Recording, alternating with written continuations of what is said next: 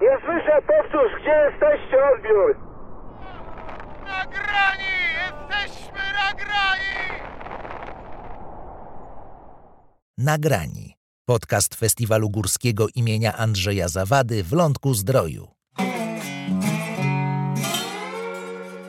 Dzień dobry, witam w pierwszym inauguracyjnym odcinku podcastu pod tytułem Nagrani.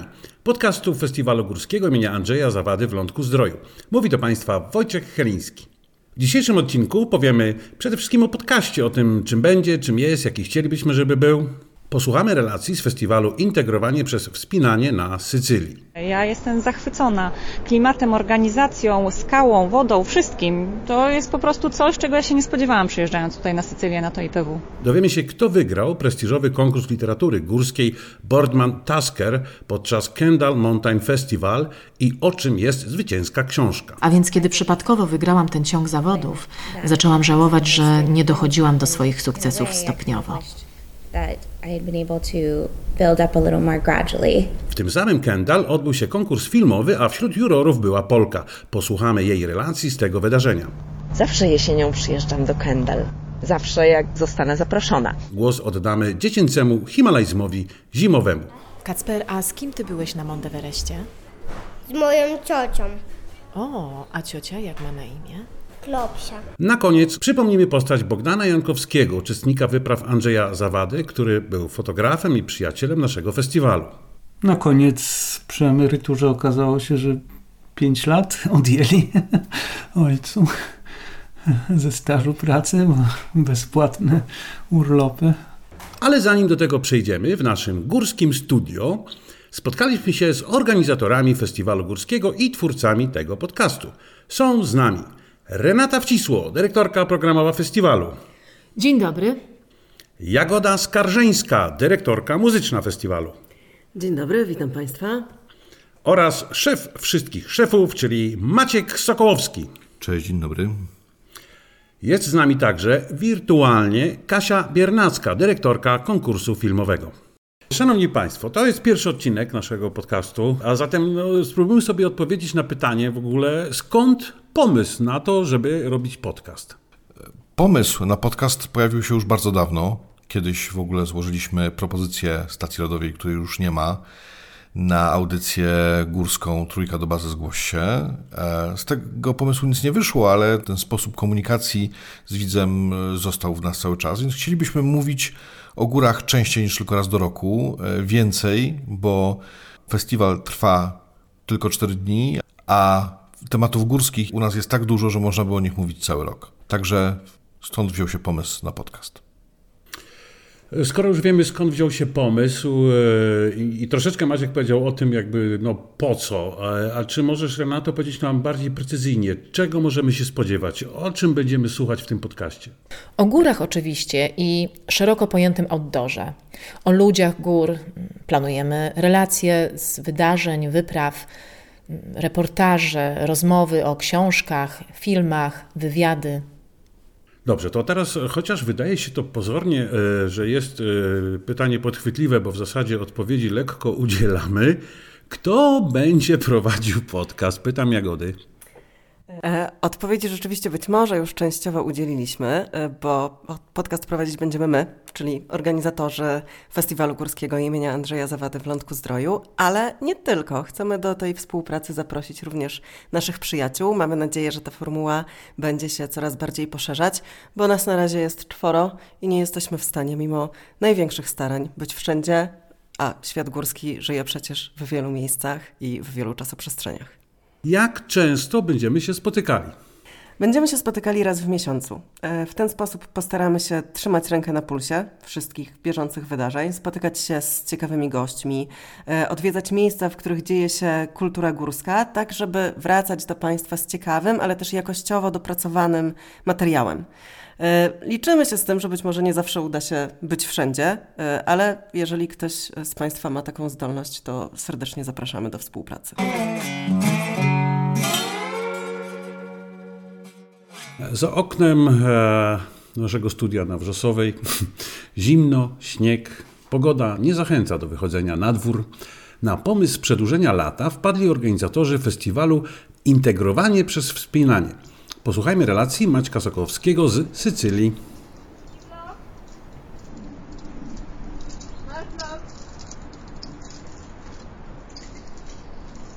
Pierwszy raz tutaj. Jest generalnie nigdy nie byłem ani na IPW, ani tutaj na Sycylii i generalnie jest super. Dużo więcej ostrych tego, ostrego takiego wspinania, dużo bardziej różnorodne rzeczywiście, bo sobie każdy może znaleźć coś dla siebie tutaj. To jest fajne, nie? że możesz jakieś takie krótsze jak chcesz dachu też są, ale jakieś długie, ładne drogi też są. Jak chcesz jakieś takie bardziej techniczne to się znajdzie, bardziej siłowe też się znajdzie, tylko że to jest mega fajne, że jest bardzo dużo i rzeczywiście jest tuż obok e, obok kępa, nie? Trzy minuty z drogi to jest super. Ale e, czym się różni jeszcze widokami, nie? Jakby wejdziesz na górę, rozejrzysz się i morze, słońce, skały, to jest coś, co mogę polecić tutaj. Bardzo mi się podoba. E, byłam już tutaj rok temu z chłopakami na obozie. E, I właśnie, no tak było fajnie, że, że jak powiedzieli, że jest na Sycylii, no to znowu się zdecydowałam. Jesteśmy na szóstej edycji integrowania przez wspinanie. E, obok mnie trzon organizacyjny imprezy, dwóch e, dyrektorów, Paweł Zieliński, Daniel Sromek, którzy opowiedzą w ogóle, co to jest za festiwal, skąd on się wziął na Sycylii, bo jesteśmy na Sycylii. Może zacznijmy od Pawła w takim razie. Co to jest integrowanie przez wspinanie? Dobre pytanie tak naprawdę. Co to jest integrowanie przez wspinanie, bo aktualnie integrowanie przez wspinanie rzeczywiście kojarzy się z samą imprezą, czyli festiwalem wspinaczkowym, ale tak naprawdę dla nas integrowanie przez wspinanie to jest cała społeczność, która się wywiązała jeszcze za czasów studenckich, gdzie nikt w ogóle nie myślał, że to kiedykolwiek będzie festiwalem wspinaczkowym. Czyli tak naprawdę, jakbym miał odpowiedzieć, co to jest integrowanie przez wspinanie, to jest prawdziwe integrowanie przez wspinanie, czyli tak jakby integracja y, środowiska wspinaczkowego, w tym również nas i naszych najbliższych przyjaciół. Do tej pory ten festiwal odbywał się w Polsce. Było pięć edycji pod Krakowem, prawda, Danielu? Dokładnie tak. Było pięć edycji, e, które były organizowane w Dolinie Będkowskiej. W tym roku jest to pierwsza edycja która jest organizowana tutaj w, na kempingu El Bahira e, na Sycylii, którą bardzo dobrze znamy, ponieważ tutaj mm, szkolimy i sami wspinamy się od wielu lat. Miejsce to daje niesamowity potencjał, jeśli chodzi o przeprowadzenie wszelakich e, rodzajów warsztatów w skałach. Jest doskonała infrastruktura, jeśli chodzi o zaplecze noclegowe, jeśli chodzi o zaplecze imprezowe, gastronomiczne. Także z racji tego, że doskonale znamy to miejsce, chcieliśmy wyjechać z Polski jesienią i zrobić coś fajnego tutaj. No jak się ten pomysł sprawdził? Tak, tak naprawdę jest końcówka festiwalu, a, a my już wszyscy żyjemy następnymi edycjami, gdzie zarezerwowaliśmy już na przyszły rok camping z powrotem i, i, i myślę, że y, podsumowując całą ekipą jesteśmy przekonani, że to była jedna z najlepszych decyzji, jaką podjęliśmy. Ogromny sukces i, i jestem przekonany, że będziemy kontynuować na pewno ten festiwal tutaj. E, Daniel, ty odpowiadasz za finanse. Nie baliście się tego ryzyka? To jest ogromna sprawa. Wynająć pół kempingu, zastanawiając się, czy się w ogóle znajdą chętni za na nietanią e, imprezę, jeżeli porównamy jakieś wydarzenie w Polsce. Wiesz co, baliśmy się, tak, oczywiście, że baliśmy się ze względu na to, że jest mnóstwo dodatkowych kosztów. Trzeba tutaj przylecieć samolotem, trzeba wynająć autokary, żeby się tutaj dostać. Samo zakwaterowanie też kosztuje. To nie jest tak, że przyjedziemy sobie na dwa dni imprez, tylko no, sam festiwal trwa tydzień, więc e, gdzieś te koszty się generują. Mm, to integrowanie, które tutaj się dzieje, jest w fazie projektu. Jest to pierwsza edycja tutaj zagraniczna. Taki, myślę, że ono będzie się rozwijać na podstawie wniosków, które wyciągniemy właśnie z tej edycji. Chcemy, żeby każde kolejne było coraz lepsze, coraz fajniejsze i żeby było w tym pakiecie startowym podstawowym coraz więcej wartościowych materiałów i rzeczy, które tutaj będą. Ja mogę tylko, tylko dodać jedną rzecz, że ja też oczywiście z tyłu głowy miałem obawę i, i nie wyobrażam sobie bez Daniela festiwalu, który tutaj to wszystko liczy, ale myślę, że byliśmy o tyle spokojni, że, że wręcz byliśmy przekonani, że, że ludzie po prostu tutaj przyjadą, każdy na jesień chce uciec y, na Sycylię, która w zasadzie jest naszym drugim domem i po prostu mieliśmy y, z tyłu głowy, że, że no naprawdę jest ogromne prawdopodobieństwo, że wszystkie miejsca, które założymy, że będą sprzedane i było po prostu to łatwiej założyć i wszystko policzyć. Gratuluję Wam tej frekwencji, a mm, no właśnie, jaki jest program festiwalu? Co tu się dzieje oprócz, oprócz tego, że jesteśmy nad pięknym morzem?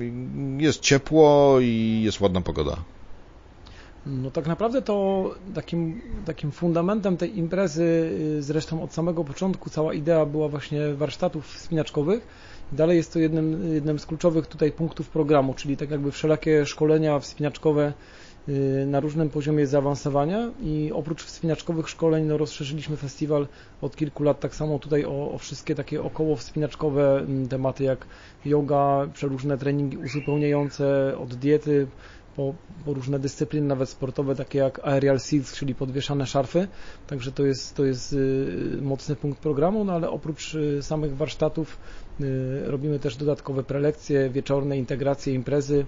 No a w ciągu dnia daliśmy bardzo dużo przestrzeni ludziom po prostu na, na dotknięcie, zobaczenie tej Sycylii, żeby każdy po prostu znalazł coś dla siebie i w ciągu dnia albo się idzie wspinać, albo idzie na trekking nad morze, restauracja, Włochy ogólnie no, nie, nie nudzą się ludzie tutaj na Sycylii. Dla dorosłych, ale tutaj na Sycylii y, zrobiliście też program dla dzieci, po to, żeby rodzice mogli się wspinać. Dokładnie tak. Mamy całą przygotowaną strefę IPW Kids, y, gdzie dziewczyny z animatu organizują zajęcia wspinaczkowe, terenowe, artystyczne dla dzieci, podczas gdy rodzice mają czas na własne aktywności, uczestniczenie w warsztatach albo samodzielne wspinanie, plażowanie, trekking.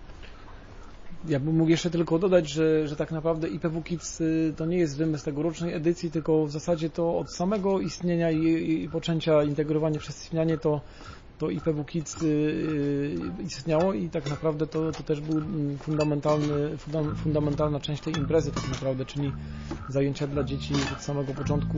Klimat rodzinny był bardzo ważny w tej naszej organizacji.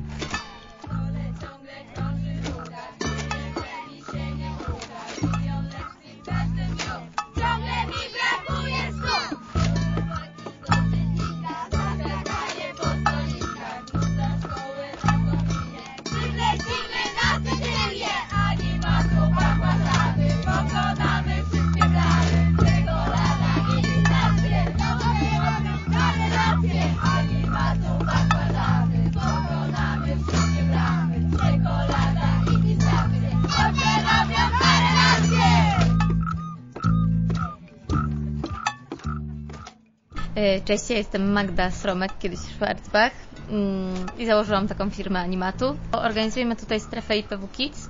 Animatu mm, jako firma w zasadzie ma swój początek razem z, w ogóle z całym przedsięwzięciem integrowaniem przez wspinanie. Od samego początku organizujemy tę strefę, no i ponieważ e, od pewnego czasu działamy też tutaj na Sycylii, no to jesteśmy tutaj wszyscy razem właśnie po to, żeby zapewniać rozrywkę dzieciakom i E, jednocześnie dawać przestrzeń rodzicom. W jakim wieku dzieci uczestniczą w e, Waszych zajęciach? Nie wiem, czy możemy w ogóle mówić o dzieciach w zasadzie, nie? bo zaczynamy od takich dwójpół latków, niespełna trzylatków, e, a w tym roku najstarsza uczestniczka IPW Kids ma 14 lat. Od dwóch i pół lat do 14 to strasznie trudno taką grupę zintegrować. Jakie zajęcia im proponujecie, żeby oni razem sobie fajnie funkcjonowali? Przede wszystkim staramy się działać w małych grupach i to, że uczestnicy są od 2,5 y, do 14 lat, y, to nie znaczy, że oni są ze sobą cały czas. Tak? Działamy w trzech grupach wiekowych. Mamy maluszki, E, które są od właśnie 2,5 do mniej więcej 4,5. E, potem mamy średniaki od 5 do e, mniej więcej 9 i potem najstarsza grupa od 9 do końca. Część zajęć mają razem. Wszystkie dzieci mają możliwość uczestniczenia w zajęciach wspinaczkowych, a oprócz tego staramy się poznać uroki tego miejsca, w którym jesteśmy, tak? Poznać kulturę sycylijską, to, czym zajmują się dzieci tutaj, jaką tutaj mamy przyrodę. E, to jest taka nasza e, filozofia animatu troszkę, mam taką, nazywa się to projekt LAS, czyli lokalnie, aktywnie i samodzielnie. I e, wszędzie tam, gdzie jesteśmy, staramy się ją wprowadzać, to znaczy poznawać lokalność, korzystać z, z tego, co daje nam miejsce, w którym jesteśmy, być aktywni, tutaj się wspinamy na przykład. Wczoraj była wycieczka na Monte Monaco, czyli naj, jak to mówię, najwyższy szczyt najbliższej okolicy. E, no i samodzielnie, tak? Staramy się, żeby dzieci spokojnie wdrażały się w tą samodzielność, tak? Budujemy strefę taką bezpieczną. Z najmłodszymi dziećmi w pierwszy dzień rodzice uczestniczą w zajęciach, tak żeby każdy poczuł się dobrze w towarzystwie cioć, bo to właśnie one tutaj prowadzą zajęcia.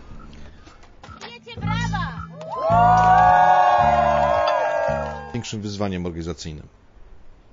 No jeśli chodzi o wyzwania, co było, co było największym wyzwaniem, największym wyzwaniem była sama logistyka y, całej tutaj imprezy. Mam na myśli to, że cały ten sprzęt wspinaczkowy, wszystkie takie materiały elektroniczne dotyczące sceny, kabli, ludzi, no trzeba było to jakby przywieźć, zakwaterować, zamontować y, na znanym nam terenie, natomiast tego było dużo, więc logistyka okazała się y, jednym z dużych wyzwań.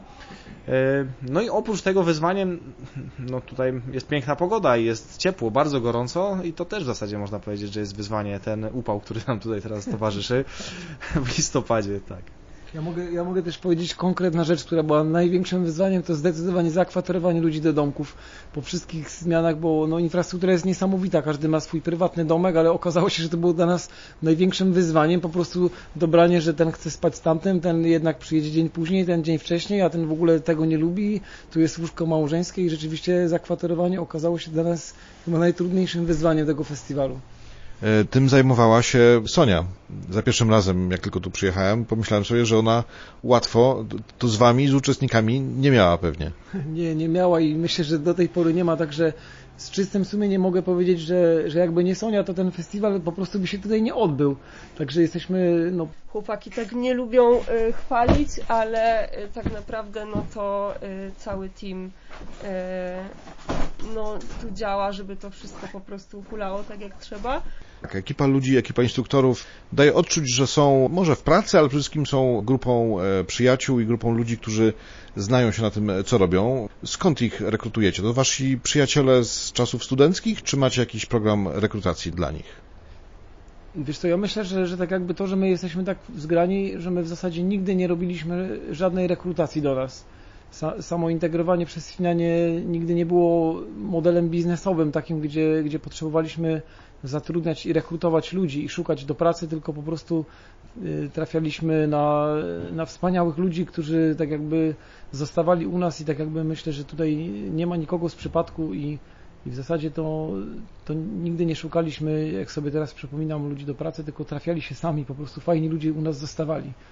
San Vito Locapo jest chyba znaną miejscowością wśród spinaczy, bo w miasteczku można spotkać e, wiele nacji, e, pod skałami e, jest wiele języków. Mm, myślicie o tym, żeby ten festiwal zrobić jeszcze bardziej międzynarodowym, żeby zapraszać ludzi z innych krajów, żeby uczestniczyli też w tym wydarzeniu?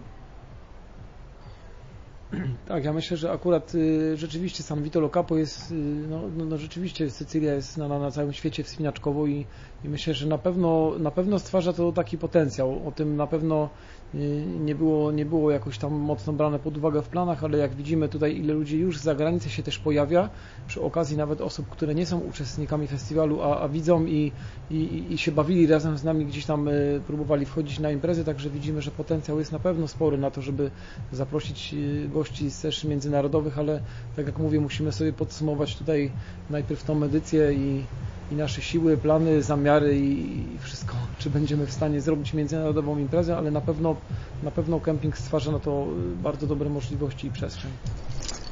Ja jestem zachwycona klimatem, organizacją, skałą, wodą, wszystkim. To jest po prostu coś, czego ja się nie spodziewałam przyjeżdżając tutaj na Sycylię, na to IPW.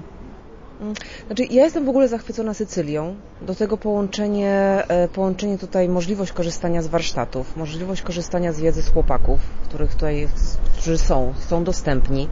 Świetna organizacja plus e, no, cudowne prelekcje. Prelekcje mnie totalnie rozwaliły. Piękne są, fajne. To jest dużo fajnej, fajnej wiedzy, ciekawe, więc no, takie coś fajnego, fajne, fajne spędzenie czasu wieczorem.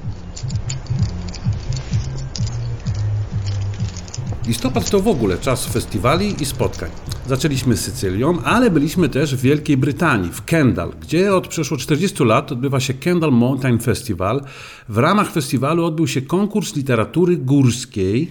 E, tak, to prawda. W ramach festiwalu w Kendall odbywa się konkurs Boardman Tasker. E, w tym roku to była jego 40. edycja. E, konkurs jest tak nazwany od nazwisk dwóch wspinaczy, którzy zginęli w górach, a ich rodziny w taki sposób postanowiły zachować ich pamięć.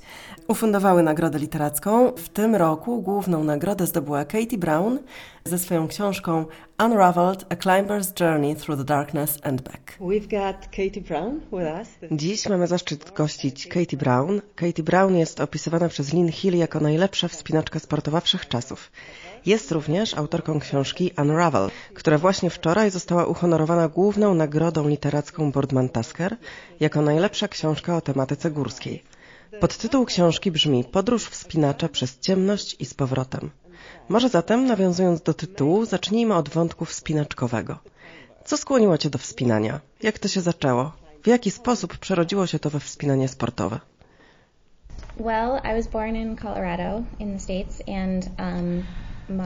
Urodziłam się w Colorado w Stanach Zjednoczonych. Moja mama od zawsze była bardzo wysportowana i zależało jej, żebyśmy my, jej dzieci, też tacy byli.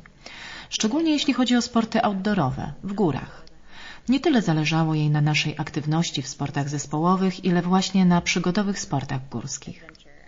Od małego dużo chodziliśmy po górach, najczęściej po czternastkach. W Colorado jest wiele gór o wysokości ponad 14 tysięcy stóp. Niektóre z tych gór wymagały technicznej wspinaczki, więc mama zaczęła się jej uczyć. Później wspinaniem bardzo zainteresował się mój brat, idąc w jej ślady. Ja poszłam z nimi kilka razy, ale nie przekonywało mnie to specjalnie. W końcu przeprowadziliśmy się do Kentucky. Miałam wtedy 12 lat. Tam moja mama i brat zaczęli chodzić razem do Red River George na wspinanie. Wracali do domu i opowiadali, jaka to świetna zabawa, a ja zaczęłam się czuć trochę wykluczona. Wtedy zaczęłam chodzić z nimi, bez większej refleksji. Stało się to po prostu naszym sposobem na spędzanie czasu. Potem zaczęliśmy chodzić na ściankę wspinaczkową w Lexington, co okazało się być prostą drogą do mojego występowania w zawodach. Then we started going to a climbing gym in Lexington and that kind of led to competing and just kind of one thing after another. So, yeah. From the kind of... Ze sposobu na rodzinne spędzanie czasu, po niespełna roku od kiedy z outdooru przeniosłaś się na ściankę, wygrywałaś już swoje pierwsze konkursy. To bardzo szybka zmiana z aktywności mającej dawać przyjemność na profesjonalny sport, prawda? Yeah, it felt like um, Tak, to wszystko stało się rzeczywiście bardzo szybko. Na ściance wspinaczkowej był przyjaciel rodziny, który uważał, że powinnam spróbować wystartować w regionalnych zawodach juniorów. Wygrałam te zawody, dzięki czemu awansowałam do rywalizacji na szczeblu krajowym. Wygrałam zawody krajowe, co kwalifikowało mnie do udziału w zawodach międzynarodowych. Wzięłam więc udział w mniej niż sześciu zawodach, no a może to było jednak sześć, nie jestem pewna, a już zostałam zaproszona do udziału w X Games World. Było nas ze Stanów tylko kilkoro, wszyscy mieli około 15 lat. Myślę, że dali nam trochę dziką kartę, bo nie kwalifikowaliśmy się jeszcze do dorosłego systemu rankingowego. Więc tak, to wszystko wydarzyło się bardzo szybko, było zaskakujące i nieplanowane. Yeah, so it all just happened very fast and and it was all very surprising, not planned. was it was it still the same Czy to nadal była taka sama frajda? Inaczej jest przecież wyjść na zewnątrz i poczuć wiatr, a inaczej trenować na sali.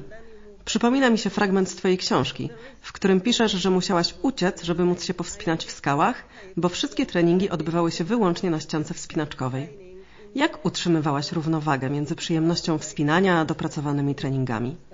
Początkowo na pewno wiele radości i satysfakcji dawały Ci wygrane, ale w końcu odeszłaś od sportu. Czy był jakiś moment zwrotny, w którym powiedziałaś sobie, nie tak to miało wyglądać? Yeah, so um, I always really liked climbing outside and so that was always a, an important Tak, rzeczywiście. Wspinanie w skałach zawsze dawało mi ogromną przyjemność, więc na pewno była to też duża część mojej motywacji do treningów. Nawet w Kentucky, choć chodziliśmy na ściankę w tygodniu po szkole, to wszystkie weekendy spędzaliśmy w skałach. Kiedy zaczęliśmy wyjeżdżać na zawody, to też staraliśmy się znaleźć lokalne rejony wspinaczkowe. Na początku zawody też bardzo lubiłam. Podobało mi się bycie czarnym koniem, kimś, kto przyjeżdża z dziką kartą. Zaczęło się robić naprawdę trudno po tym, jak nastąpił ten przypadkowy ciąg wygranych. Nagle okazało się, że gdziekolwiek przyjeżdżam tam, wszyscy oczekują, że wygram. Ta presja, świadomość, że każdy zakłada, że będę pierwsza, była dla mnie naprawdę trudna. Bardzo mi się to uczucie nie podobało. Nagle było zupełnie inaczej niż wtedy, kiedy nikt mnie nie znał, a ja mogłam wszystkich zaskoczyć. A więc kiedy przypadkowo wygrałam ten ciąg zawodów, zaczęłam żałować, że nie dochodziłam do swoich sukcesów stopniowo. Build up a little more gradually towards winning rather than winning a whole bunch of stuff right off the bat. I feel like The possibility to reduce this pressure. Czy udawało Ci się uciec od tej presji w skały? Wspinałaś się trochę z Lin Hill. Poza zawodami zrobiłyście razem kilka pięknych przejść. Czy takie wspinanie przynosiło Ci odrobinę ulgi, czy wspinanie jako całość stało się już zbyt przytłaczające? yeah, a bit of a relief. Tak, wspinanie w skałach dawało mi nieco ulgi i pozwalało trochę przewietrzyć głowę, spojrzeć na to z innej perspektywy. Ale do tego, że czułam się przytłoczona, przyczyniło się jeszcze kilka innych rzeczy. Nie chodziło tylko o zawody, ale też o to, co działo się wtedy w domu. Duża część mojej książki jest o zdrowiu psychicznym i moje ówczesne problemy na pewno wpłynęły na kiepskie samopoczucie przy wspinaniu. To jest chyba właśnie moment, kiedy przechodzimy do kolejnej części podtytułu Twojej książki. Rozmawiałyśmy już o wspinaczce, a teraz nadszedł czas na Twoją podróż przez ciemność i z powrotem. W moim odczuciu opowiadasz o co najmniej trzech demonach, z którymi walczyłaś w życiu. Jeden z nich to zaburzenie odżywiania. Mógłby być on związany ze wspinaniem jako sportem, ale opowiedz, kiedy po raz pierwszy poczułaś, że pojawił się u Ciebie ten problem? It was a little different because initially it didn't have anything to do with climbing. Dla mnie historia potoczyła się nieco inaczej, bo początkowo moje zaburzenia odżywiania nie miały nic wspólnego ze wspinaniem. Wiem, że czasami mogą one być spowodowane pragnieniem, żeby wspinać się lepiej i być lżejszym, ale to nie był mój przypadek. U mnie powodem był fakt, że moja sytuacja w domu wydawała się zupełnie poza moją kontrolą, tak jak wiele innych aspektów mojego życia. Zaczęłam szukać czegoś, co mogłabym w pełni kontrolować, co da mi poczucie sprawczości i mocy. Złapałam się kontrolowania jedzenia, bo dawało mi to spokój i komfort. Z czasem stało się to bardziej związane ze wspinaniem, ale na pewno wspinanie nie było pierwotną przyczyną.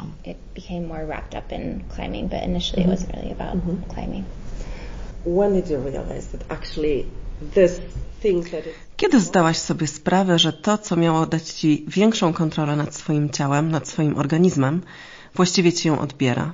Kiedy uznałaś, że trzeba zwrócić się o pomoc? Jakieś kilka lat temu zdałam sobie sprawę z tego, że to nie ja kontroluję moje odżywianie, ale to choroba kontroluje mnie. Wtedy postanowiłam coś z tym zrobić. To zawsze trudny temat, ale wracając do początków. Mówiłaś, że potrzebowałaś odzyskać poczucie kontroli, bo nie czułaś, że panujesz nad swoim życiem. Czy to uczucie pochodną Twoich relacji z mamą? Tak, zdecydowanie tak. Moja mama była i jest osobą bardzo kontrolującą i ja w jakikolwiek sposób próbowałam odzyskać swoją siłę i panowanie nad życiem. Relationship, so. Czy teraz masz poczucie, że ta relacja ewoluowała? W prologu Twojej książki jest bardzo mocny i poruszający opis, jak jedziesz do domu swojej mamy już jako dorosła kobieta, uznana sportsmenka i masz za zadanie porozmawiać ze swoją mamą, bo tak Ci poradziła terapeutka, którą zresztą potem zwolniłaś. Bo Ty jesteś wciąż tak samo zdenerwowana nadchodzącą sytuacją i konfrontacją. Czy udało Ci się te relacje z mamą w jakiś sposób zmienić, czy po prostu godzisz się, że nie ma sensu jej naprawiać? Należy się po prostu zdystansować i dbać o siebie. I definitely reached a point somewhere in my early 20s. Cóż, chyba niedługo po dwudziestych urodzinach zrozumiałam, że próby utrzymania tej relacji przynoszą mi więcej bólu niż pożytku. Na tym etapie zdecydowałam się świadomie odsunąć i niczego już nie próbować naprawiać. Bo to się i tak nie udawało i czułam, że to droga donikąd. It wasn't beneficial and it wasn't going to go anywhere or change. So Czy zmiana w relacji z mamą działa się równolegle ze zmianą Twojej relacji z Bogiem? To trzecia ciemność, przez którą musiałaś przejść i którą musiałaś pokonać. Te dwa tematy wydają się ze sobą bardzo powiązane. Rzeczywiście. choć pisanie o relacji z Bogiem było zdecydowanie najtrudniejsze. Nie zawsze potrafiłam z tego wyłuskać sens, bo mam wrażenie, że wszystkie te trzy rzeczy moja mama, Bóg, problemy z odżywianiem były ze sobą mocno splątane i bardzo trudno je było rozdzielić. W mojej głowie na początku były zupełnie wymieszaną całością, co było niezwykle mylące i trudne do rozpracowania. Dopiero kiedy opuściłam dom, zaczęłam się leczyć z zaburzeń odżywiania. Wyciągnięcie z plątaniny tej jednej nitki ułatwiło rozwikłanie kolejnych, a najważniejszym początkiem było wyprowadzenie się z domu. Więc po kolei. Wyprowadziłam się, czyli nie miałam już trudnej relacji z mamą. Zaczęłam leczyć zaburzenia odżywiania i przyszedł czas na zmierzenie się z moim podejściem do religii. Uważam, że w tym przypadku rolę odgrywa wiek. Z biegiem lat łatwiej jest odróżnić, co jest dobre, a co złe, choć w tym wyprowadzka na pewno również pomogła, bo wreszcie mogłam sama decydować. Kiedy dorastasz w bardzo religijnej rodzinie, w której religia towarzyszy Ci bez przerwy, od urodzenia, jest częścią Twojej kultury, to może pomóc po prostu upływ czasu i nauka formułowania własnych opinii. Tylko dzięki temu można się wyzwolić i coś zmienić. So just kind of getting older and starting to form your own opinions and what feels right for you can help Mhm. change that. Myślę, że to bardzo odważne odciąć taką część swojego życia, bo przecież musisz się wtedy odbudować na nowo, na nowo odnaleźć. Teraz sama jesteś już mamą, masz 11-letnią córkę. Z Twojej perspektywy, jakie jest największe wyzwanie w byciu mamą, szczególnie mamą córki? Wydaje mi się, że największym wyzwaniem, albo jednym z nich, jest, kiedy sama chcesz zrobić coś inaczej, traktować swoje dziecko w inny sposób niż sama byłaś traktowana. Nie masz więc wzorców, jak to powinno wyglądać, bo nie masz takich doświadczeń. Wiesz, czego nie chcesz robić, ale nie masz pojęcia, jak robić dobrze, bo nie masz wzorców, z których możesz czerpać. Wymyślanie za każdym razem, co trzeba zrobić, jak się zachować, jest naprawdę dużym wyzwaniem. W dodatku jest to dość przerażające, bo nie chcesz popełnić tych samych błędów. Próbujesz więc zrobić to lepiej i inaczej, ale wciąż panicznie się boisz, że popełnisz błąd i twoje dziecko zostanie zranione, a to przecież ostatnie, czego chcesz. and just worry that you're going to do it wrong and that they'll end up hurt because the last thing you want to do is hurt your Yeah. A czasami przecież po prostu reagujemy zgodnie z mechanizmami, które mamy wpojone w tyle głowy. Gdybyś miała wybrać jedną, najważniejszą rzecz, lekcję, coś, w co chciałabyś wyposażyć swoją córkę jako człowieka, to co by to było?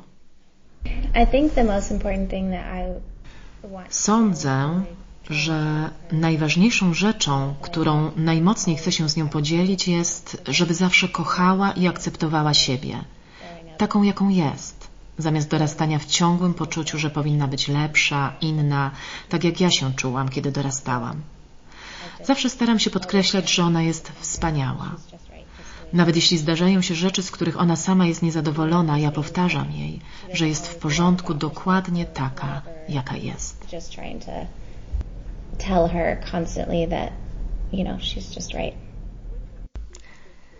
Wczorajszego wieczoru, kiedy otrzymałaś nagrodę, a wcześniej przecież już znalazłaś się na krótkiej liście pięciorga nominowanych. Twoją pierwszą reakcją przy mównicy było wow, jestem taka zaskoczona. Nie jestem pewna, czy na tę nagrodę zasługuję. Przede mną było przecież tyle świetnych książek. Chyba to też jest część Twojej opowieści i drogi. Wiedzieć, że zasługujesz. Więc teraz, gdybyś mogła sama siebie pochwalić i nagrodzić, jak sądzisz, dlaczego jury tak bardzo spodobała się Twoja książka? Co jest w niej wyjątkowego? What do you think that the jury loved about your book? Why did they choose you? I think just from listening to um. Sądzę, przede wszystkim na podstawie wypowiedzi prezentera i jego uzasadnienia, że spodobała im się moja brutalna szczerość. Chyba to ją wyróżnia wśród innych nominowanych dzieł. Prezenter mówił też o przyszłości, a rzeczywiście jednym z moich celów przy pisaniu tej książki było pomóc tym, którzy przechodzą przez podobną walkę. Chciałam, żeby jej lektura pomogła przyszłym pokoleniom. One of my goals in writing the book was to provide information to help those who have been or are going through similar struggles. And so um, I think that was another reason that they chose it because it has the potential to help future generations. Czy sądzisz, że ta książka była dla Ciebie rodzajem terapii? Czy pomogła Ci się uzdrowić? Na swoim profilu napisałaś, że jej tworzenie trwało kilka lat i że to też była walka ze sobą. Yeah. Um, the Rzeczywiście, czuję, że pisanie było dla mnie pewnym rodzajem katarzis. To może był też pewien rodzaj krzyku, bo przez całe życie nie mówiłam o tym, przez co przeszłam i jak się właściwie czuję. Poczułam więc, że mam prawo opowiedzieć swoją historię, bo tak długo siedziałam cicho. To było dla mnie ważne. Tak naprawdę najwięcej czasu zajął proces decyzyjny. Bardzo długo się wahałam, robiłam krok w przód i kolejny wstecz. Ale kiedy już podjęłam decyzję, samo pisanie przyszło mi łatwo i szybko.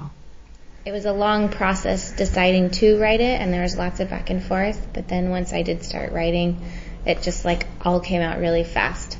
So, yeah. Czy sądzisz, że wrócisz do wspinania? Może nie wspinania sportowego, ale takiego dla przyjemności, może jako instruktorka? Um, shortly before COVID, Ponownie zaczęłam się wspinać w czasie COVID-u, dość często z Lin, bo mieszkamy w tym samym mieście.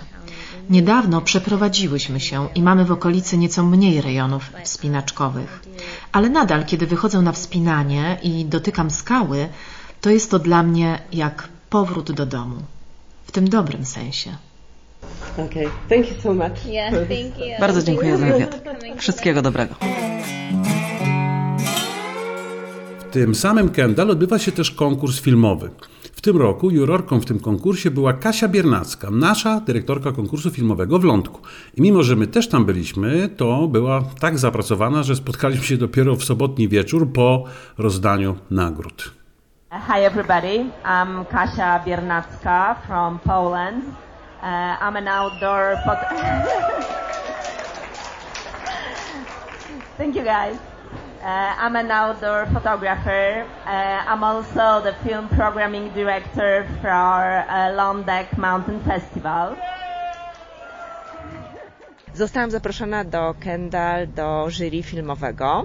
E, Właśnie zakończyliśmy galę rozdania nagród filmowych. No, można powiedzieć, że nieoficjalną, bez zadęcia, ale e, no, mi się bardzo podobało. Było bardzo sympatycznie. Tu jest w ogóle stu filmowców, twórców e, filmów e, konkursowych. E, No myślę, że na gali było spokojnie mm, trzy czwarte, reszta jest pewnie na jakichś pokazach. Rozdaliśmy 12 nagród i muszę powiedzieć, że obrady jury były fantastyczne. Bardzo, bardzo ciekawe rozmowy. Co do niektórych tytułów, co do Grand Prix, to w ogóle by- byliśmy jednogłośni. Dyskusja nad innymi tytułami zajęła nam dwa dni, ale no, bardzo ciekawe różne punkty widzenia, bo są każdy e, juror czy jurorka byli z, zupełnie innego środowiska. Także e, no, fajnie, fajnie zobaczyć też inne spojrzenia, poznać inne spojrzenia na filmy.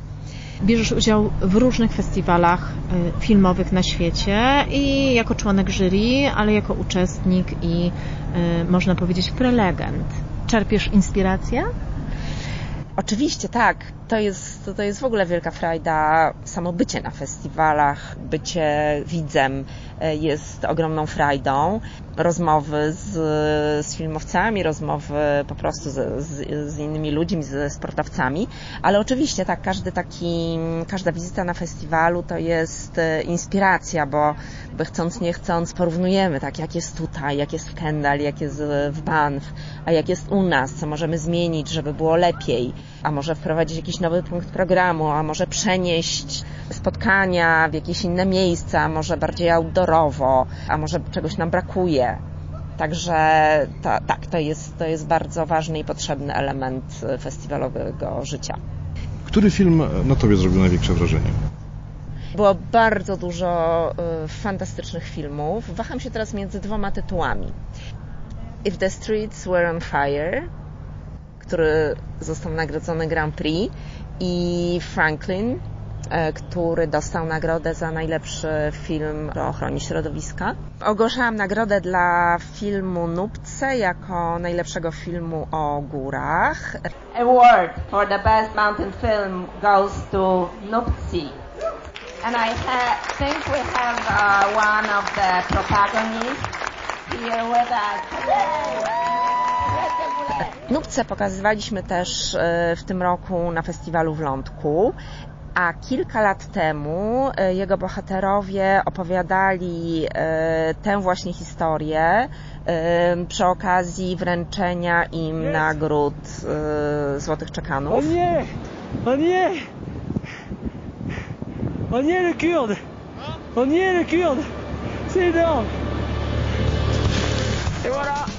Filmy górskie czy filmy wspinaczkowe bardzo często opowiadają o sławie i chwale, o tych pięknych momentach e, wspinania w suchej skale, czy pokonywania kolejnych metrów w białym śniegu na tle niebieskiego nieba.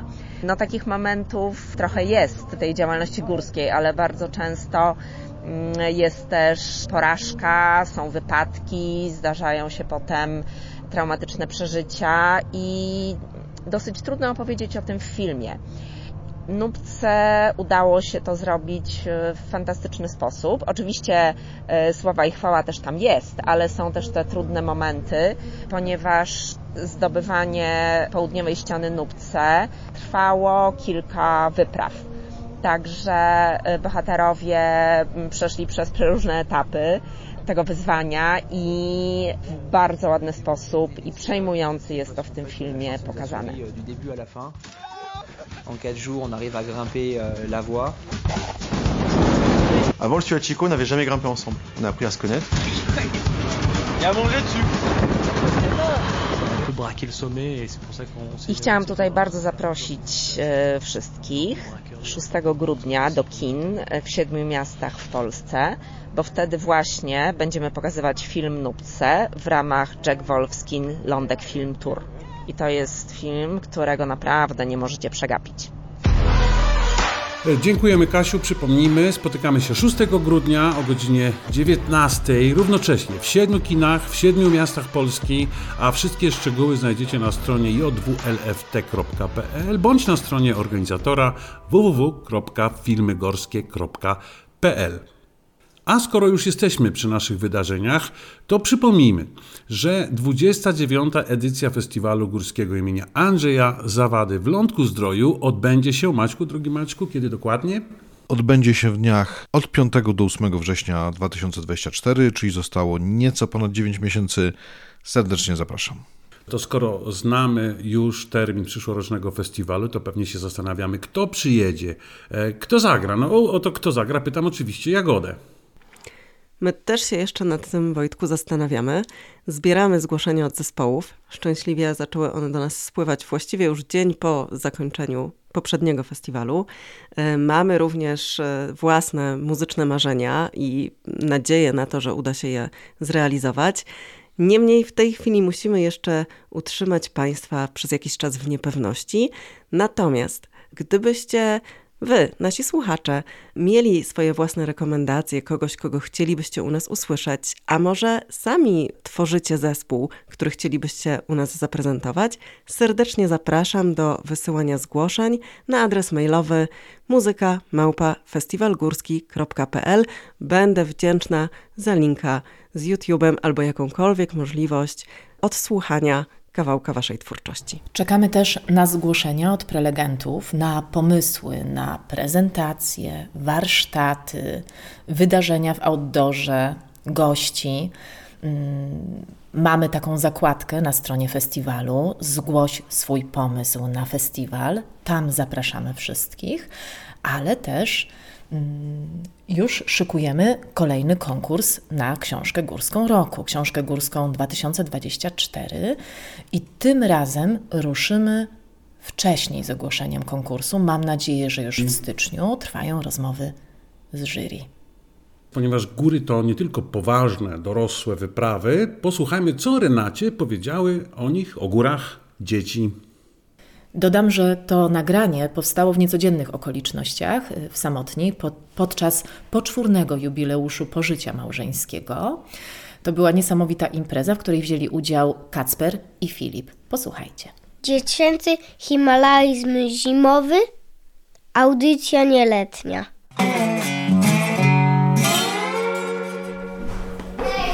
Ale już spokojnie, chłopcy, naprawdę. Dobrze? Który raz jesteście w Samotni? Ja jestem jedenasty raz. A masz lat 8? Tak. Ja nie wiem ile. Lubicie tu przyjeżdżać? Bardzo. Przedstawcie się. Ja jestem Filip. Ja jestem Kacper. Co fajnego tutaj jest w górach, te- w tej Samotni? Góry. I gorąca cie- czekolada. Schronisko, wszystko jest. Fajnie tu przychodzić, są góry, można gdzie iść. Na jakich szczytach już byłeś? Śnieżka, śnieżnik na szczycie Czarnego, Czarnej Góry. Byłem na granicy, na Jagodnej i chciałbym jeszcze pójść raz na Jagodną. Ja byłem na Czarnej Górze też i na Śnieżce. A jest taka góra, o której marzycie, że chcielibyście kiedyś na nią wejść? Ja Być chciałbym na Monteverest. na Mount Everest. Ja byłem na Monteverest. O, dawno temu? Tak. Ja tam jechałem na nartach, bo się uczyłem jeździć. Chciałbym wejść jeszcze na K2 od strony zachodniej, A dlaczego akurat od strony zachodniej? Bo tam e, są ładniejsze widoki, jest łatwiejsza trasa i nie masz szalin. A to tak można po prostu pójść? Trzeba wiedzieć, że, że to jest na poziomie tego, co chcesz zrobić, że musisz się przygotować po prostu, żeby, żeby po prostu wejść na to. Nie można tak po prostu wejść i tyle pojechać. Trzeba po prostu przeprowadzić próby trudnościowe, trzeba sprawdzić, jakie będą tereny, jaki będzie procent, czy będzie przechylone, czy będzie prosto. Więc od tego wszystko zależy. Znasz kogoś, Filip, kto był na K2? Znam y, Piotra Postelnika, Rysik Pawłowski i to chyba wszystko, na których znam, gdzie byli tam. A ty, Kacper, znasz kogoś, kto był już też, tak jak ty, na Mount Everestie? Nie pamiętam. Ja A znam na- jednego, O, powiedz. Piotra Postelnika. Też był na. Aha. Kacper, a z kim ty byłeś na Mount Everestie? Z moją ciocią, O, a ciocia jak ma na imię? Klopsia. Uczy jeździć na nartach. Ja tam pojechałem na nartach z Włoch chyba, ale nie pamiętam dokładnie. Moje gratulacje. Ile masz lat? Ponad 5,5. Ja byłem na Mont Blanc. O, trudno tam wejść? Łatwiej niż na Monteverest pewnie Kacper, ale też trudno jest, są przewieszenia duże i łatwo wpaść do szczeliny. Sam byłeś? Byłem z tatą. No, rok temu. Powiem Wam, że jestem pod wrażeniem, bo nie sądziłam, że tutaj w Samotni takich młodych himalaistów poznam i alpinistów. Gratulacje. Dziękujemy.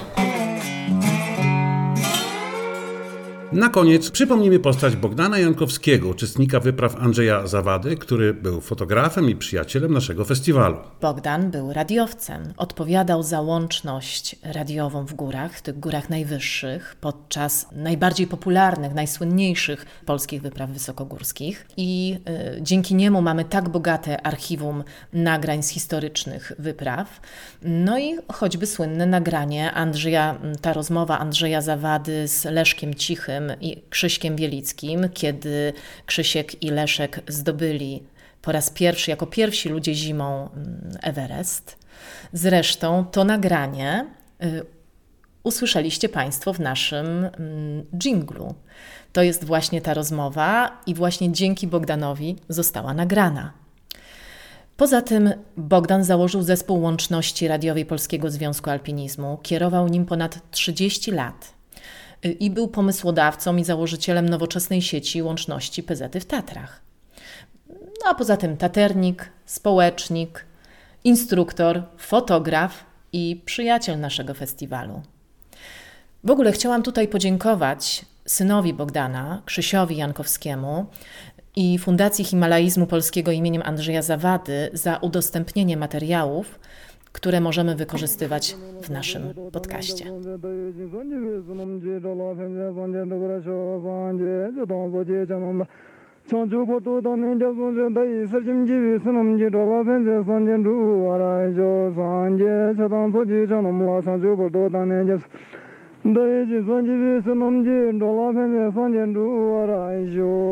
Cała biblioteka, czy to tylko część? Połączona biblioteka Gurs. No, w ogóle to część, bo w domu chyba jest około 5 tysięcy książek, a, a to jest połączona biblioteka e, rodziców Górska, bo mama też z górami związana. Była w Spoloklubie Warszawskim numer 50. Krystyna z domu Rapacka, Jankowska, więc pseudonim Wel Śmieszka. E, tak. Tam stoi ta szklana statuetka. Durnostojka. Durnostojka z festiwalu w Lądku. A, tak. Taternik, Polski Związek Alpinizmu, przegląd filmów górskich. Jeszcze wtedy przegląd filmów górskich. Podziękowaniu za propagowanie kultury górskiej. Nagrania. I fotografie.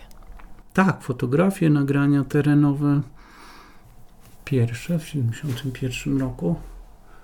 Bo w ogóle płyta powstała Voices from the Mountains 1971-2003. Zebrane na płycie zostały yy, nagrania z wypraw właśnie z tych lat od Kuniancisza do, do K2 drugiego od strony chińskiej.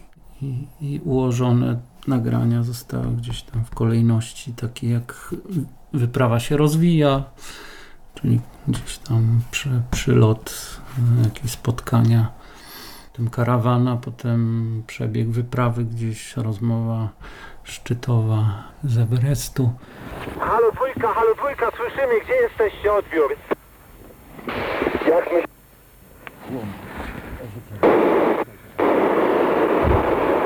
Halo, halo, nie słyszę, odbiór.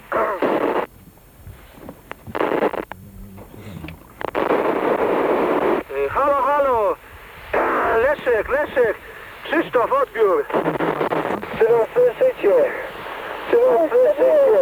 Odbiór. Nie słyszę, powtórz, powtórz, gdzie jesteście, odbiór? Na szczycie, na szczycie.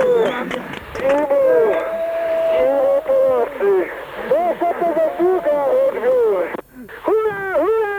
Szczycie. Halo, Bata, są na szczycie, hurra.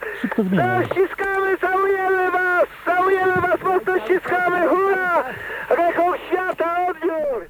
Dwa lata po śmierci chyba ojca, jakoś tak. E, Brat e, dzwoni i mówi, a zobacz tam e, wstęp, bo dokończyliśmy z Tomaszem Mirtem właśnie płytę i, i wydajemy.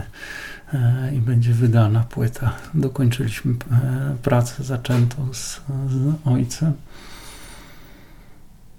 Tak powstała płyta i gdzieś tam w którymś z wywiadów Tomasz Mirt powiedział, że, że, właściwie to nie tylko w, był prekursorem w Polsce e, field recordingu nagrań, ale w ogóle na świecie, bo pierwsze jakieś publikacje na ten temat e, pojawiły się chyba w 1976 roku i, i w ogóle ten trend jakby e, nagrań terenowych zaczął się.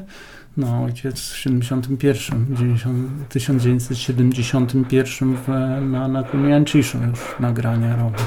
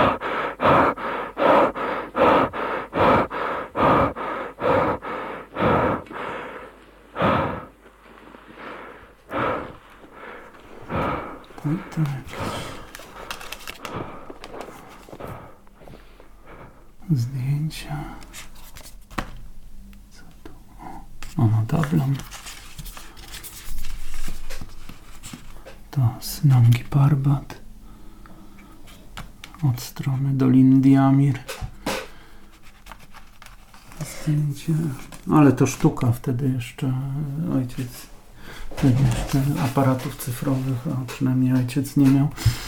E, więc robienie zdjęć, gdzie wiatr wieje, ciemno, zimno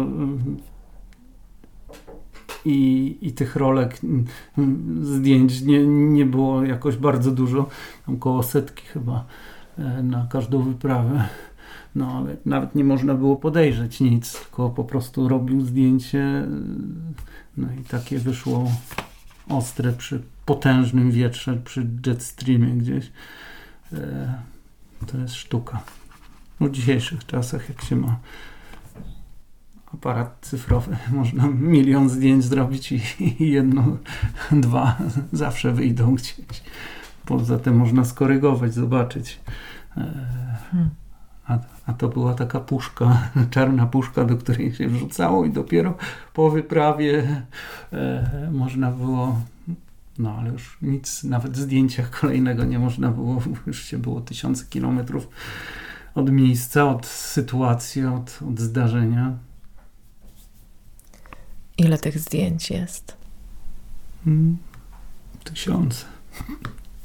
Większość nie, jeszcze nie zeskanowanych. No, na samej, sa, samej prelekcji tej takiej sztandarowej ojca góry dalekie i bliskie, to tam jest zdjęć grubo ponad 300. Opowieść o, o górach, o ludziach, o górach widzianych ojca oczami przez pryzmat zwierząt, roślin, natury, kultury, zwyczajów, ludzi. Udało się zachować. Lat temu, ćwierć wie, ponad ćwierć wieku temu, gdzieś przyszedł pomysł mi do głowy, żeby nagrywać w miarę możliwości być na każdej prelekcji i, i z każdej prelekcji dźwięk nagrać i potem na bazie tego zrobić prelekcję, film, zamknąć to w pliku z oryginalnym głosem ojca, ze zdjęciami. No i tak jeździłem tu, tam, nagrywałem. I to sobie leżało i zaraz gdzieś po śmierci ojca sięgnąłem do tego, wyczyściłem, zacząłem przesłuchiwać. Szanowni Państwo, e, drodzy przyjaciele, e, mam przyjemność opowiedzieć Państwu o moich górach. Nie o górach w ogóle, ale właśnie o moich górach. Górach, w których miałem szczęście być, które zapisały się w mojej pamięci, które starałem się zapisać na zdjęciach, a czasem na taśmie magnetofonowej.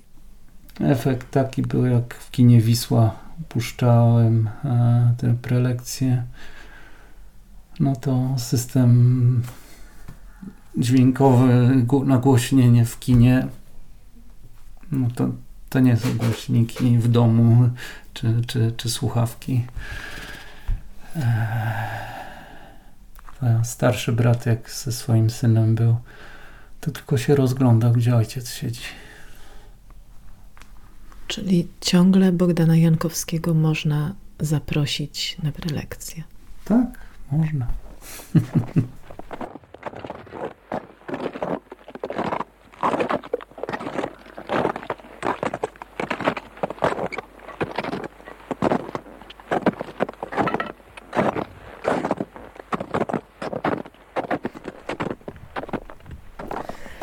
właśnie, był instruktorem, był elektronikiem, złotą rączką, e, radiowcem, łącznościowcem, Fotograf, fotografem.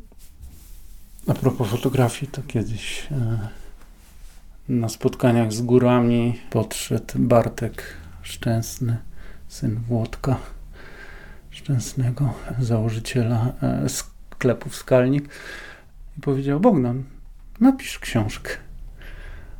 A ojciec powiedział, nie, ja wolę fotografować. tak. tak. A to zdjęcie to z jakiejś widokówki, to mam. To jest z wyprawy na Everest zimowej, robione przez Maniusia Piekutowskiego. Zresztą takie samo zdjęcie odwrotnie ojciec zrobił Maniusiowi Piekutowskiemu też w tej samej pozycji przy radiostacji. Najbardziej popularne zdjęcie Bogdana. No, najbardziej znane. O. Sagarmata, tu Sagarmata, tak. Łączność, tak. Zaczynał gdzieś jest nagranie takie. 17 lutego 1980, 6.20 rano. Halo Polonia, halo Polonia, halo Polonia, zgłasza się Sagarmata, odbiór. Dzień dobry panie Bogdanie, dzień dobry pozostałym. Słyszę dobrze, słyszę dobrze odbiór. My też odbieramy bardzo dobrze, e, szczególnie jak na namarznięte strasznie dzisiaj radio i już e, relacjonuję. Otóż e, o godzinie 6.20 y, dzwonili chłopcy z Przełęczy Południowej poprzez obóz drugi i powiedzieli, że za pół godziny wychodzą. No i chyba wyszli, bo więcej już się nie zgłaszali. Pogoda dobra, w bazie cisza zupełna. Y, Na górze mówili, że wieje, ale do wytrzymania.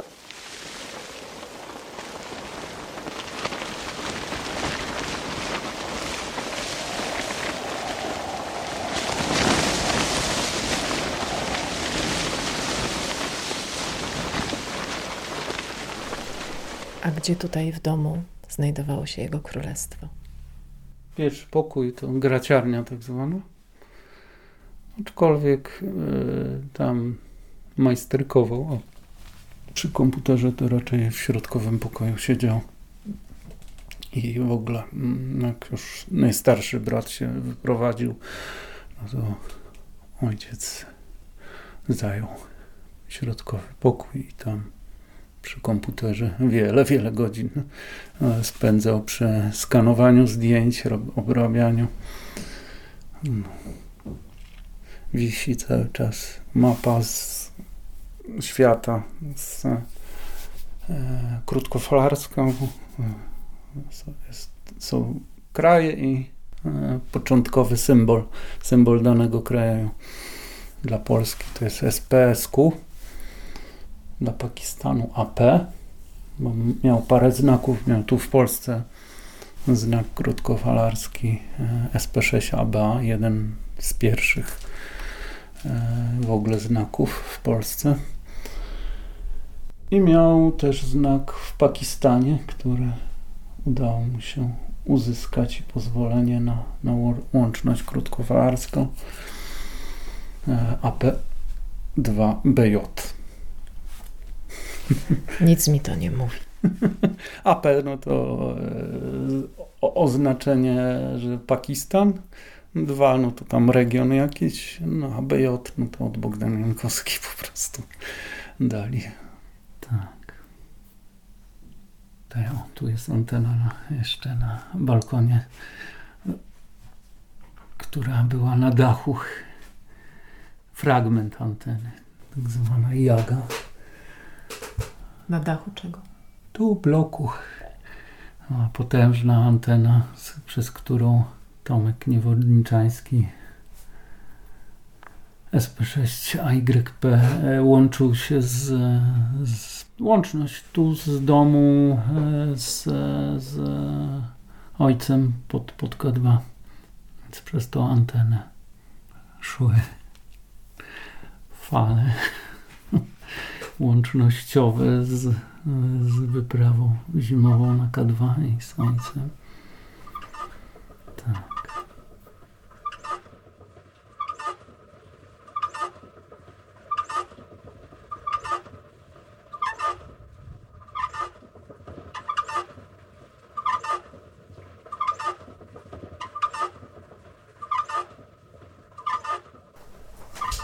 Powiedz mi, czy to uczelniany blok? Tak. Uczelniany, nie?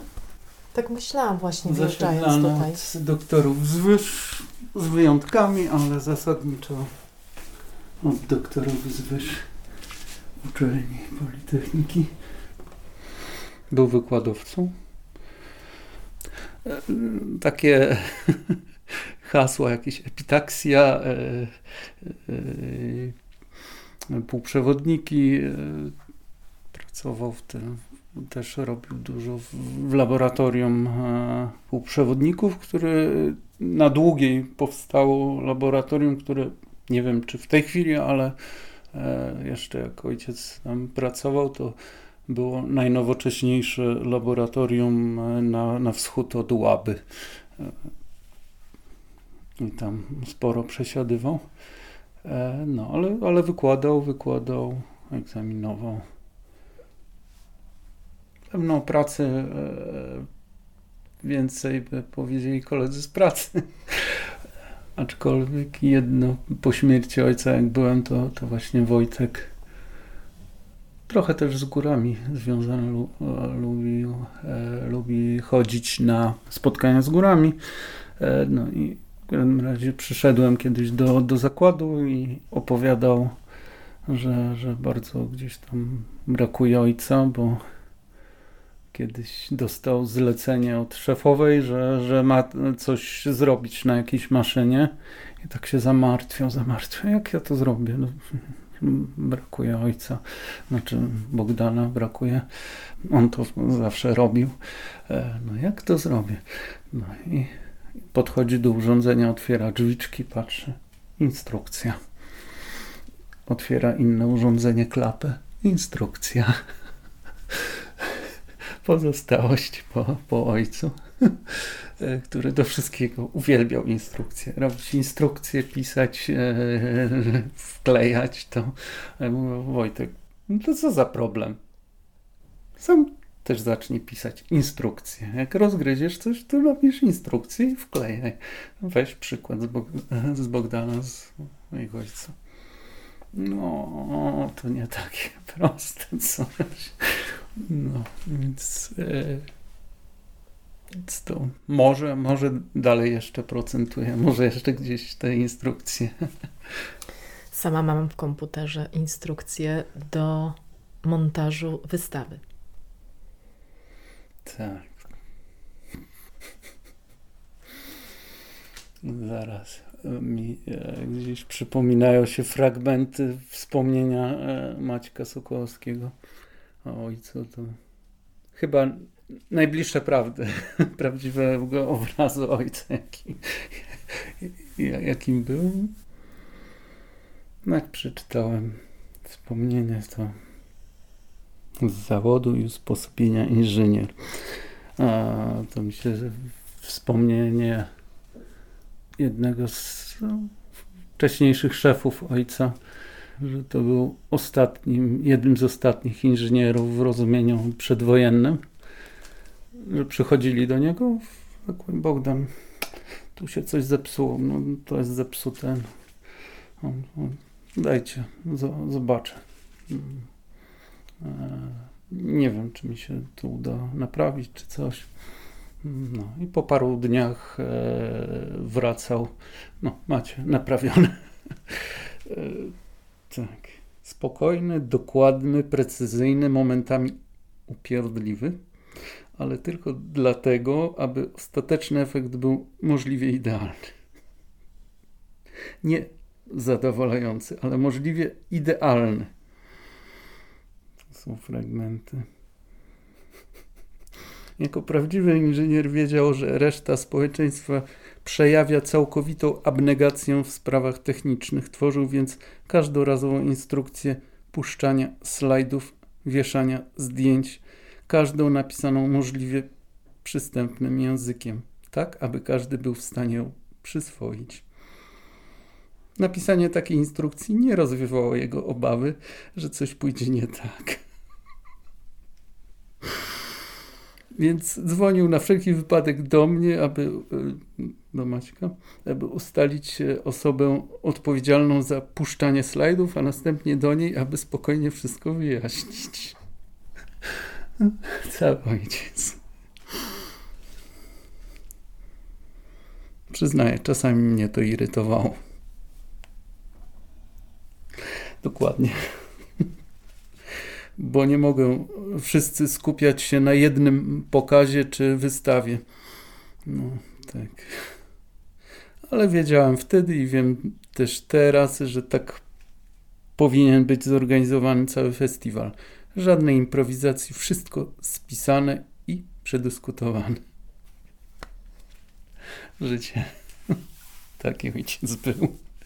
Po prostu tak, tak prawdziwe e, to wspomnienie, że choć raz, mimo zastosowania przez Bogdanka wszystkich możliwych środków ostrożności przez, przed ludzką głupotą, instrukcją, e, e, ludzką głupotą, instrukcją, opisem słownym i telefonem, podsłuchałem, jak mówi do siebie nad zepsutym przez złe podklejenie wieszaczków zdjęciem tym swoim spokojnym głosem. Ku a mać. Można pisać i mówić do nich sto razy, a i tak nie dotrze i zrobią po swojemu.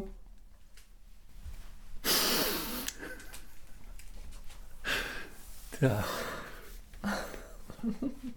To nie było jakby w kulturze ojca, żeby przeklinać, aczkolwiek w sytuacjach e, stresowych kiedyś w Betlejemce e, gotował na butli gazowej e, garnek wody i nagle to wszystko się wywróciło. Taką wiązankę puścił, że koledzy nie mogli uwierzyć po prostu. Bogdanek, Bogdanko, to ty znasz takie słowa?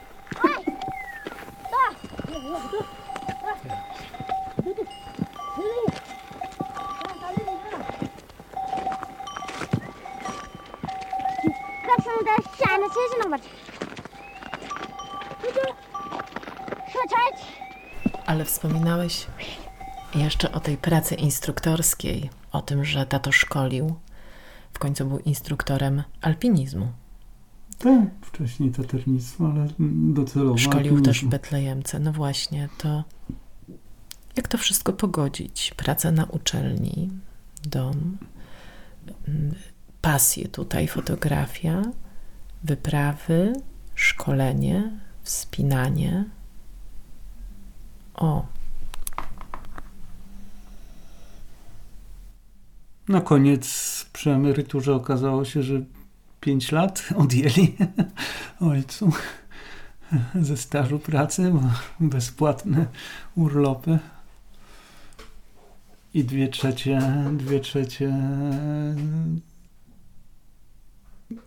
emerytury dostało, jedną trzecią mniej niż koledzy, którzy tyle samo pracowali i nigdy pewno nie liczył tego, nie, no ale ZUS policzył dokładnie. Nie, coś koło pięciu lat odje, odje, odjęli. No, ale to były wyprawy, to były wyjazdy w Tatry. No nie no, część to było w ramach urlopu, ale w Tatrach szkolił po dwa turnusy, po trzy, każdy po trzy tygodnie, sześć tygodni wakacje, dwa tygodnie w zimie. Przez ileś lat ja jeździłem do Betlejemki z ojcem. Boguś Słama był 20 lat w Betlejemce, a ja jak policzyłem, to byłem z tych 20 lat, bo tylko za, za urzędowania e, Bobasa Bogusia Słamy tam jeździłem, to to jedno 20, jeden rok w sumie się uzbiera bycia na hali z ojcem tam. Śmieję się, że wychowałem się w cieniu żółtej turni. To nie tylko rok wysoko, ale też jakiś rok, półtora pewno się uzbiera na podchalu małym cichym. Jak ostatnio tak patrzyłem, to, to żółtą turnię widać, więc w tym gospodarstwie, w którym gdzieś tam jeździliśmy. Więc takie dwa, dwa i pół roku e, w cieniu żółtej turni się wychowywałem. I to, to stało gdzieś. Nie jest to raczej pospolite, częste. Więc to bardzo sobie cenię i doceniam. To też jakoś tam mnie uformowało życie w górach. No. Swoją drogą pod koniec życia rodziców mówiłem, że, że na tyle nam pozwalali i tak nam gdzieś ufali, że w świetle dzisiejszego ustawodawstwa, praw, obowiązków rodziców, to by tak raz do dwóch razy dziennie tracili prawa rodzicielskie.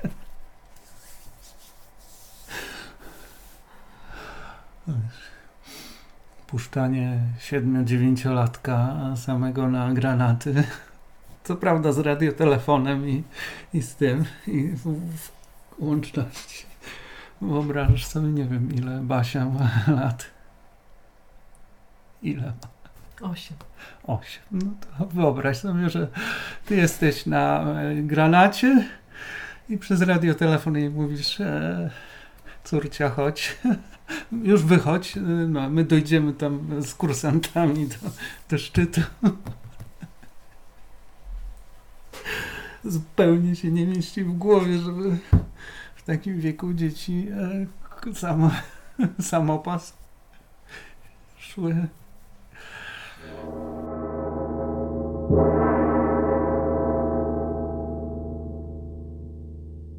No, pomysły są jakieś. Upamiętnienia. No już trochę się udało, udało się zachować prelekcję. Płyta wyszła. Dziś myślimy o jakichś pamiątkowych tych e, tablicach, e, czy to na Wiktorówkach, czy na cmentarzyku pod Osterwą, czy tutaj w e, Karkonoszach. Też zaczyna się gdzieś tam rysować pomysły jakieś na, na książkę. No, pomysł jakiś mam, bo robiąc, utrwalając tę prelekcję, w sumie 100, ponad 120 godzin spędziłem nad rekonstrukcją tej prelekcji. Doszedłem do wniosku, żeby całkiem ładny mógłby powstać ten półalbum taki te opowieści z tej prelekcji gdzieś i zdjęcia ponad 300 jest. Oczywiście nie, nie, nie wszystkie pewno zmieściłyby się, ale są pomysły, są jakieś w klubie się pojawiają, żeby jakiś memoriał zrobić. Może jakiś mural, jak w przypadku Wandy Rutkiewicz czy Jurka Kukuczki w Katowicach, a Wandy tutaj na Placu Legionów, tak. No. Teraz mi się przypomniało kolejny pomysł. Myśleliśmy o wystawie w Lądku, ale nie tyle wystawie fotograficznej, pamiętasz, co pokazaniu tych wszystkich artefaktów. Łącznie z radioodbiornikami, ze sprzętem. No, to tu się szykuje wystawa w tym, w zajezdni w końcu przyszłego roku. Jeszcze tutaj też rozmawialiśmy, był pomysł w Lądku, ale też finansowo to spory koszt, by Bogdan, tak jak Andrzej Zawada, został upamiętniony w Lądku pomnikiem albo ławeczką z radioodbiornikiem, z jego nieodłącznym atrybutem, aparatem. jabłek Dałbym ci ja miodu słońca Czapę dałbym ci futrzaną W sanie wsadziłbym w niedzielę I do suchej bym pojechał Bieluteńko jak najbielej Bieluteńko jak najbielej Sanna, hosanna Na śnieżnym dywanie srebrem malowane modrzewiowe. A kiedy zapadnie już późna noc, ogień przygaśnie i skończą się piosenki idziemy spać. I wtedy śnią nam się takie góry. Dziękuję za uwagę i cierpliwość.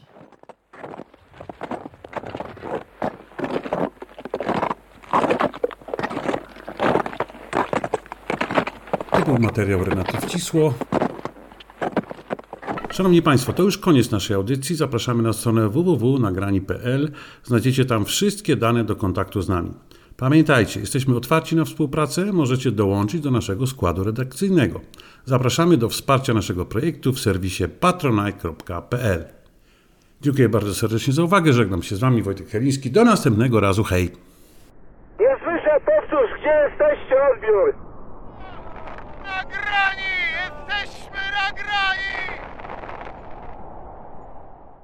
Nagrani. Podcast Festiwalu Górskiego imienia Andrzeja Zawady w Lądku Zdroju.